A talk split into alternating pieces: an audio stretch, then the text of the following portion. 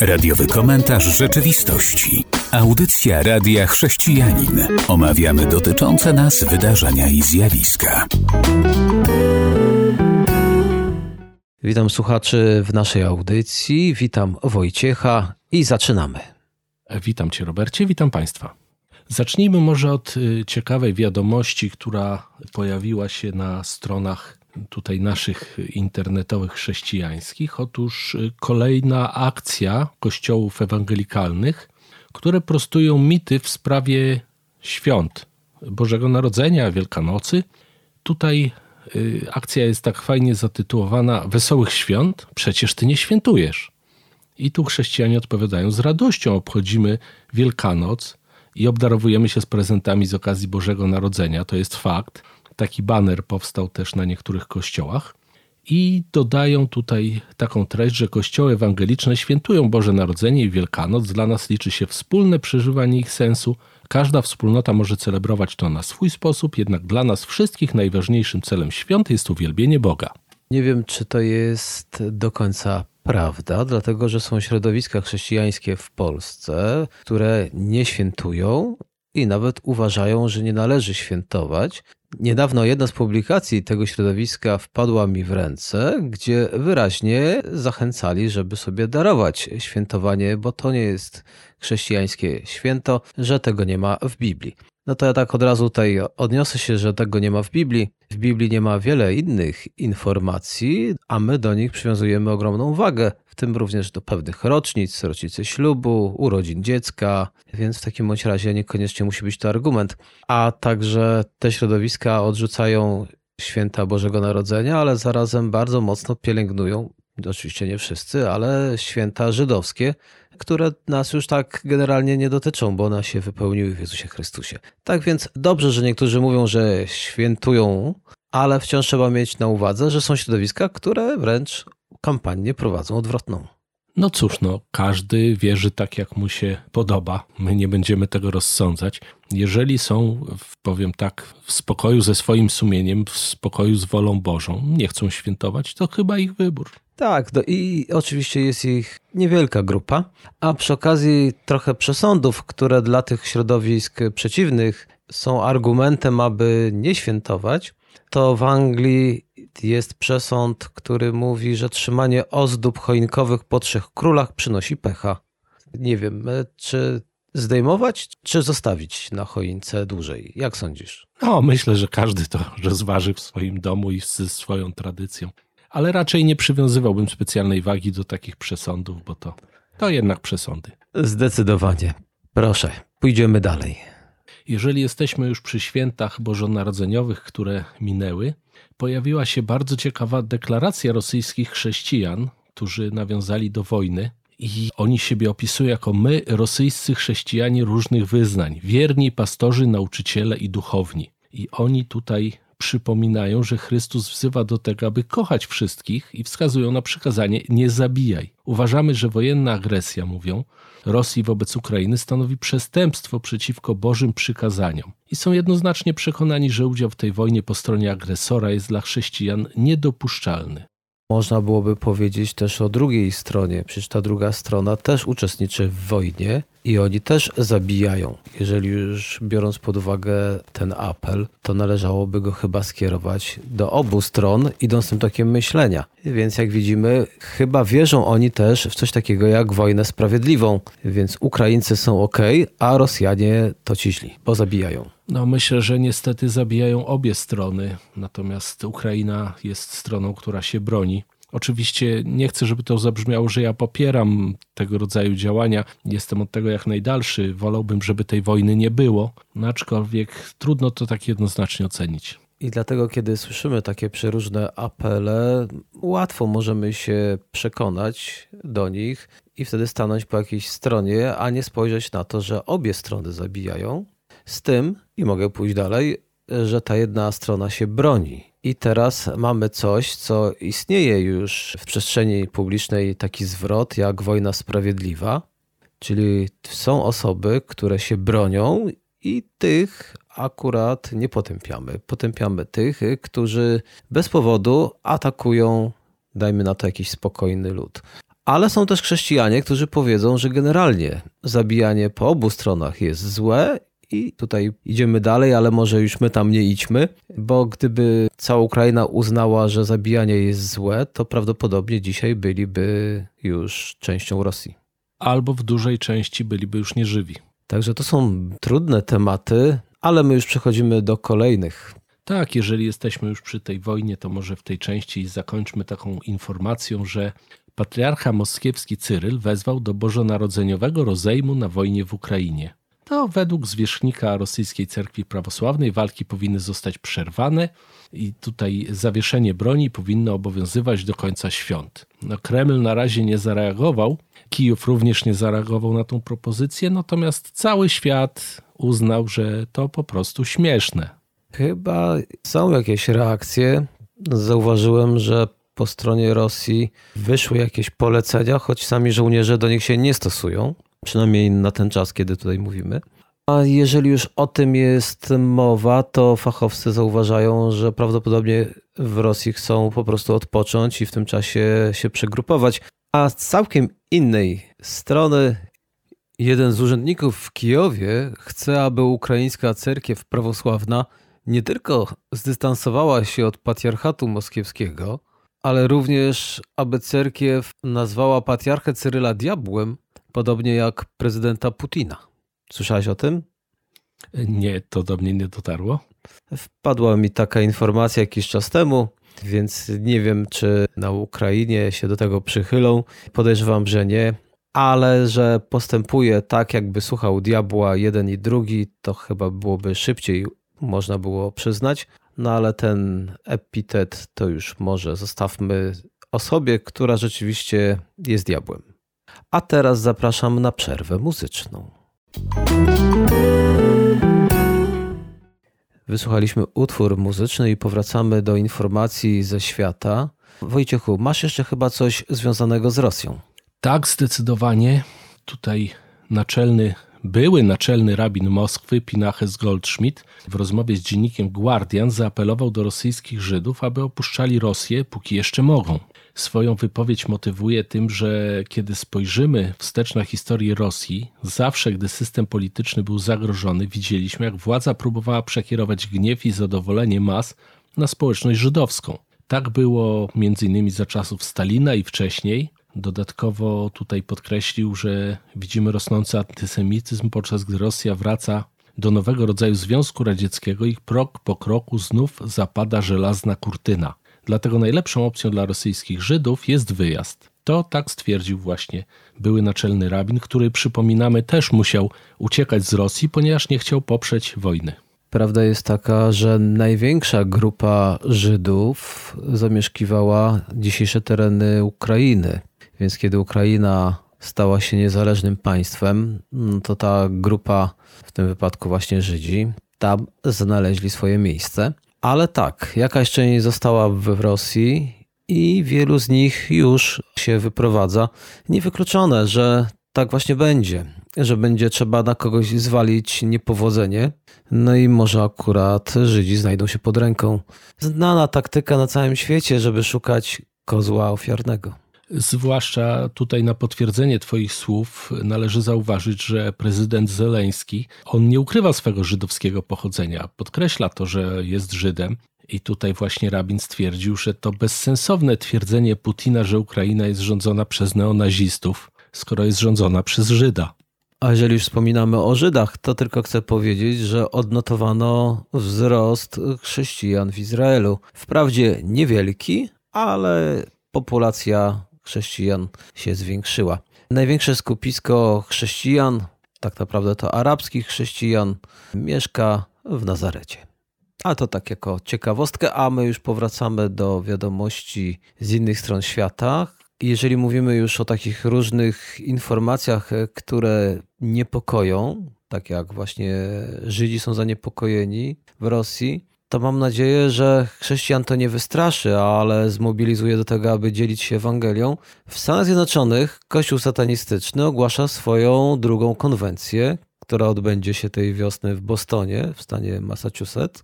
I będzie to największe zgromadzenie satanistów w historii, tak to ogłaszają. Jak widzimy, chrześcijanie również się zgromadzają, chrześcijanie są również prześladowani, ale tutaj coraz częściej podnoszą głowę same zgromadzenia, tak zwane satanistyczne. Może dlatego, że chrześcijanie dzielą się Ewangelią i, jak to się mówi, wywołują złego z lasu. I zorientowali się sataniści, że chyba trzeba przejść do ofensywy. Także nie bójmy się szatana, on jest pokonany, chciałem to powiedzieć, ale takie rzeczy dzieją się na świecie. No tak, dokładnie. Takie rzeczy się dzieją. Ten kościół satanistyczny, o którym wspomniałeś, coraz jakieś właśnie robi akcje, to o tym się słyszy. Bardzo trudno jest tutaj jakby stwierdzić, bo często mamy obraz kościoła satanistycznego jako takich, no nie wiem, ludzi, którzy składają ofiary krwawe i jedzą nietoperze, a oni bardzo często właśnie to są ludzie, którzy są niepozorni, nie wyglądają na takich y, jakiś, nie wiem, na sługi szatana, można powiedzieć w takim cudzysłowiu. To są często ludzie, którzy wyglądają normalnie, ubierają się normalnie ale myślę, że oni też potrzebują Ewangelii, też potrzebują poznać Boga, bo skoro skręcili w takim kierunku, to znaczy, że no nie poznali Boga. Tak, a sami też członkowie tego kościoła, bo w Stanach Zjednoczonych są naprawdę to dwie grupy, które generalnie można zaliczyć do kościołów satanistycznych. Tak zwana świątynia szatana i kościół szatana. Świątynia szatana to są też sataniści, jak widać, którzy bardzo często mówią, że oni nie wierzą w Boga i nie wierzą w szatana, ale są za tym, aby wprowadzać sekularyzm. Dla chrześcijan w przypadku jednego i drugiego środowiska to chyba nie ma znaczenia, bo my mamy dzielić się Ewangelią i zanieść tą dobrą nowinę o Zbawicielu do wszystkich, więc oni wszyscy tego potrzebują. To tak dla równowagi może pojawiły się w przestrzeni medialnej słowa Messiego o Bogu. To ostatnio widzieliśmy te różne formy tego, że piłkarze przyznawali się do tego, że wierzą w Boga. I Messi, jako teraz jeden chyba z czołowych piłkarzy na świecie, również stwierdził, że tak, to, to Bóg stworzył go, Bóg dał mu jako dar to, to, co on umie, to, co robi. I powiedział coś takiego: Dziękuję Bogu za to, że dał mi wszystko i kończenie kariery w ten sposób, bo to z pewnością są ostatnie lata, jest czymś imponującym. Także tak fajnie, że coraz więcej ludzi sławnych, znanych przyznaje się do życia z Bogiem. Messi, nie wiem czy wiesz, ma też e, duży tatuaż na ramieniu. I wiesz co tam jest? Nie mam pojęcia. Jezus Chrystus i korona cierniowa na głowie. Tak więc on już dosyć dawno temu dał wyraz swoich przekonań. Niech mu tam Panu błogosławi, bo to, że ktoś zrobi sobie tatuaż Jezusa Chrystusa, to jeszcze nie wszystko. To, że ktoś powie, że jest chrześcijaninem, to jeszcze nie wszystko ale to już naprawdę dość dużo, że ktoś ma na tyle odwagi, że to mówi. A ja mu życzę, żeby jeszcze ten Jezus, do którego się tak przyznaje, faktycznie był jego codziennym Panem i Zbawicielem. I aby te błogosławieństwo Boże mu mogło towarzyszyć, a on, aby z czasem nawet stał się jakimś ewangelistą, bo może swoim autorytetem będzie mógł zachęcić wielu ludzi do tego, aby zwrócili swój wzrok na Jezusa.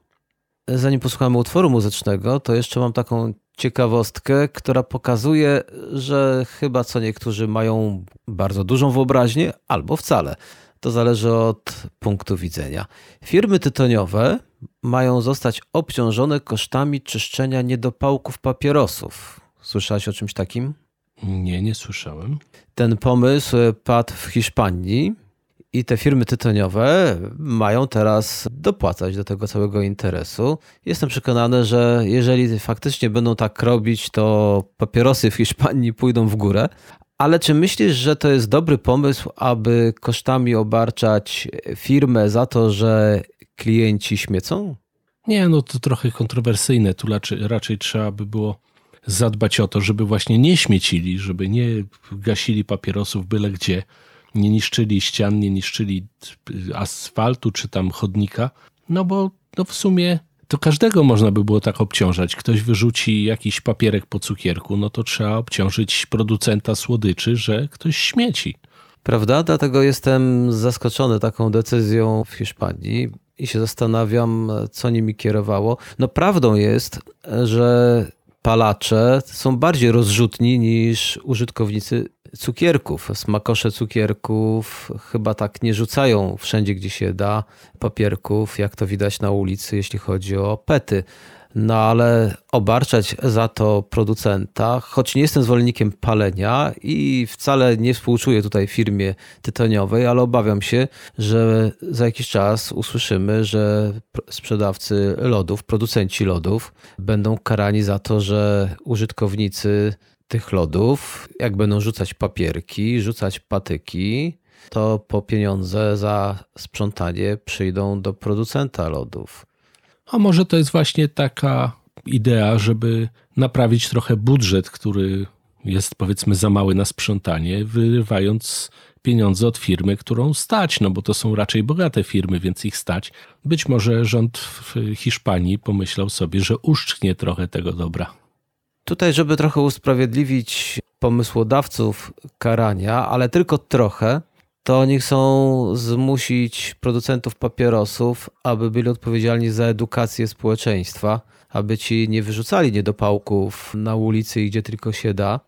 Więc może na paczkach papierosów pojawią się też teraz napisy, przynajmniej w Hiszpanii. Tak jak u nas mamy swoje informacje, może u nich się pojawi odnośnie petów, ale nadal uważam, że idzie to w niewłaściwym kierunku, bo to jest tak jakby karać ojca za to, że jego syn, dorosły syn, dopuszcza się przeróżnych przestępstw. Myślę, że jeżeli ktoś śmieci, to ten ktoś powinien być za to karany, pociągnięty do odpowiedzialności. I tak podobnie, jeżeli ktoś popełniał przestępstwo, ma 30-40 lat, to raczej nie powinni ścigać rodziców, że go źle wychowali. I to tyle takiej ciekawostki rodem z Hiszpanii, a teraz przechodzimy do utworu muzycznego, po którym wracamy. Powracamy do audycji radiowy komentarz rzeczywistości i chciałbym wspomnieć choć króciutko. Prezydent Joe Biden nie został zaproszony na pogrzeb papieża emeryta Benedykta XVI. Słyszałeś o tym? Nie, ale zamieniam się w słuch.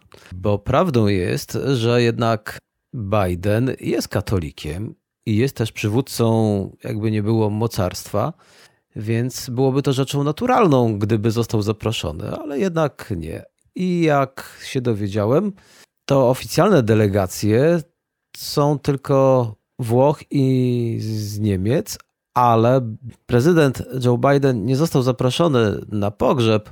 Choć prezydent Joe Biden uważa się za katolika, to jednak nie postępuje jak katolik, tak to uznano, dlatego że popiera aborcję, popiera związki jednopłciowe i to właśnie miało być powodem niezaproszenia go na pogrzeb.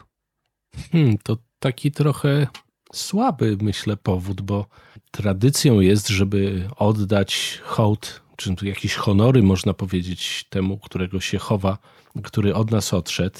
Nie wiem, czy tak powinniśmy w ten sposób to interpretować, że ktoś ma inne poglądy, to go nie zapraszamy.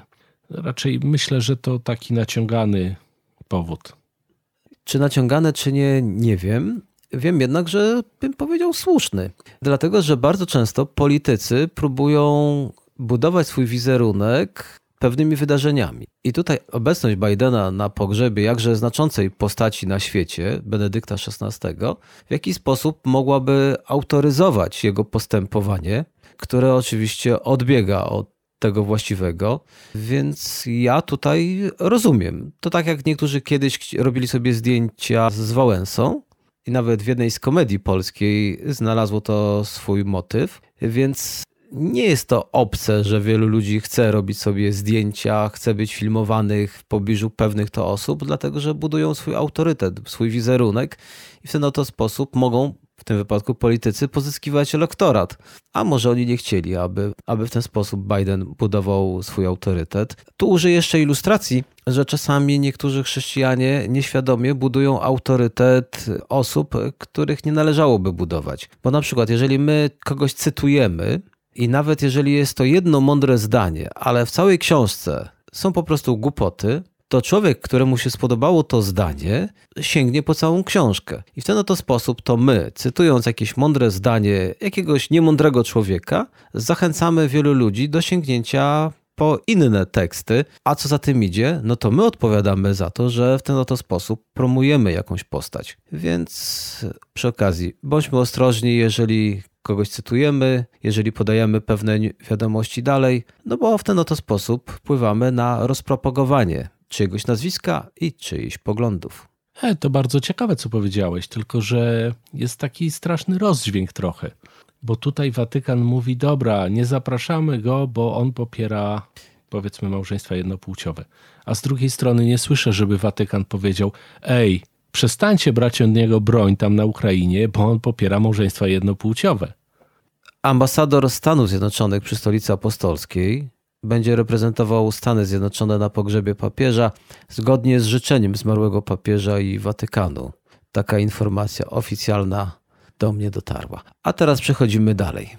To jeżeli już jesteśmy przy poglądach Joe Bidena, to do ciekawej sceny doszło y, ostatnio podczas y, tak zwanego Sylwestra w dwójce bodajże. Tak, to był Sylwester Maszeń z dwójką, gdzie główna zaproszona gwiazda, to był Black Eyed Peas, wystąpiła z tęczową opaską na ramieniu. I od razu pojawiły się bardzo kontrowersyjne głosy, że jak to za publiczne pieniądze w publicznej telewizji jest tutaj promocja właśnie symbolów LGBT.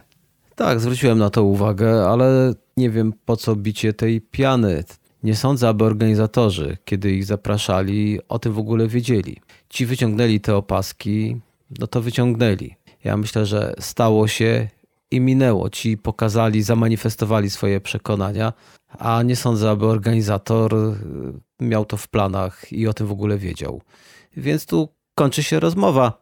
Jeżeli ktoś krzyczy, że za jego pieniądze, to znaczy, że zakłada, że zapraszający uzgodnili z zespołem, że oni wyciągną opaski i będą o to w ten sposób utożsamiać się ze środowiskiem LGBT. Hej, jestem wręcz przekonany o tym, że raczej nie było to uzgodnione z, z zapraszającymi, z telewizją. Aczkolwiek to taki ciekawy niuans właśnie w telewizji, która stara się właśnie te LGBT deprymować, można powiedzieć. Ja myślę, że po prostu nie chce promować. Ale jeżeli już jesteśmy w tych tematach, to chcę wspomnieć o pewnej ciekawostce, bo Szwecja wycofuje się z czegoś, co zaczęła i inni chcieli iść w ślady, a teraz się okazuje, że jednak Szwecja mówi: wycofujemy się z zapewnienia transpłciowego leczenia nieletnich. Czyli o co chodzi? Chodzi o to, że Szwedzka Krajowa Rada do Spraw Zdrowia i Opieki Społecznej zmieniła wytyczne dotyczące leczenia dzieci z tak zwaną dysforią płci i teraz mówią, nie będziemy u nieletnich ingerować w ich dojrzewanie, więc nie będziemy zapisywać blokerów dojrzewania, nie będziemy też wykonywać mastektomii u nieletnich. Proszę, tak się śpieszyli, aby już zmieniać płeć u nieletnich, a teraz już tego nie chcą robić. Myślę, że to dobra wiadomość, że to ktoś w końcu poszedł po rozum do głowy. I na tej fali takiego populizmu tutaj podjęli decyzję, ale ktoś się zastanowił, że faktycznie może to być z bardzo poważną szkodą dla tego dziecka, które za chwilę może znowu zmienić zdanie i wtedy jest problem.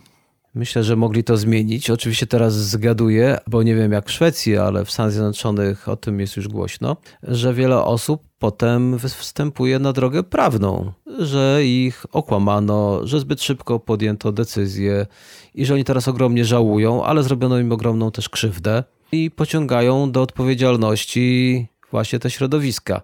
To jest już głośno o tym, więc może w Szwecji też tak jest, więc przyszli po rozum do głowy, no bo faktycznie później jak ta osoba będzie pełnoletnia, to będzie mogła ich podać do sądu, a tak jak już jest pełnoletnia, to powiedzą, byłeś pełnoletni, podjąłeś decyzję, daj nam spokój. Jeżeli jesteśmy w Szwecji i w tym temacie, to ja bym chciał jeszcze wspomnieć, że tam tendencje kościoła luterańskiego, oczywiście podkreślam, w Szwecji, bo w Polsce Kościół luterański reprezentuje inne poglądy.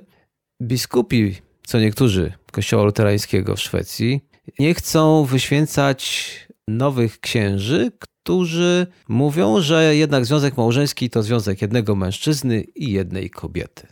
Takie to rzeczy mają miejsce. No, myślę, że ktoś tutaj coś pomylił, bo jeżeli to jest kościół luterański, który z mojej wiedzy opiera się na Biblii, to powinien chyba jasno określać takie rzeczy, które w Biblii są jasno zapisane. A czemu nie chcą? Trudno powiedzieć. Myślę, że to takie populistyczne hasła, które mają zapewnić im może jakieś większe poparcie społeczeństwa, tej części właśnie LGBT. Na przykład jeden z biskupów, Holmberg, biskup ze Sztokholmu, pisze, że nie wyświęciłby nikogo na księdza, kto jasno mówi, że nie będzie potem udzielał związków małżeńskich parom tej samej płci. Także to faktycznie, no, doczekaliśmy dziwnych czasów.